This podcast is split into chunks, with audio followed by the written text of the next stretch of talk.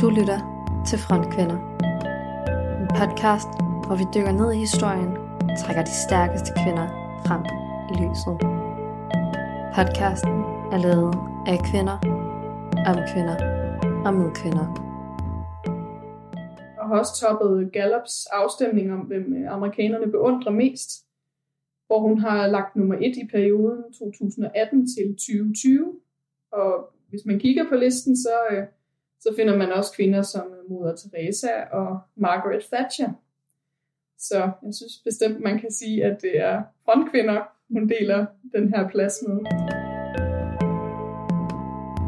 Min historie, den øh, handler faktisk ikke engang om en kvinde, fordi hun var nemlig kun en pige, da det her det udspiller sig i oktober i 2012. På det tidspunkt er hun nemlig kun 15 år gammel, og så bor hun i Sweat Valley i øh, det nordlige Pakistan.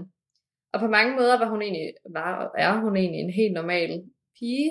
Det eneste er, at hun taler højt om piger og børn generelt rettigheder til uddannelse. Ja, jamen øh, jeg har taget en kvinde med, som øh, nok er ukendt for de fleste. Men det er faktisk en skam, øh, fordi hun har faktisk haft en øh, stor indflydelse, både i Danmark, men også i resten af verden. Vi starter nemlig til Melodi Grand Prix. Det er noget, der har kørt over skærmen siden 1957. Øhm, og i 2012 var det ligesom alle andre år, også Melodi Grand Prix. Øh, det år, der vandt i Danmark øh, sangen Should Have Known Better.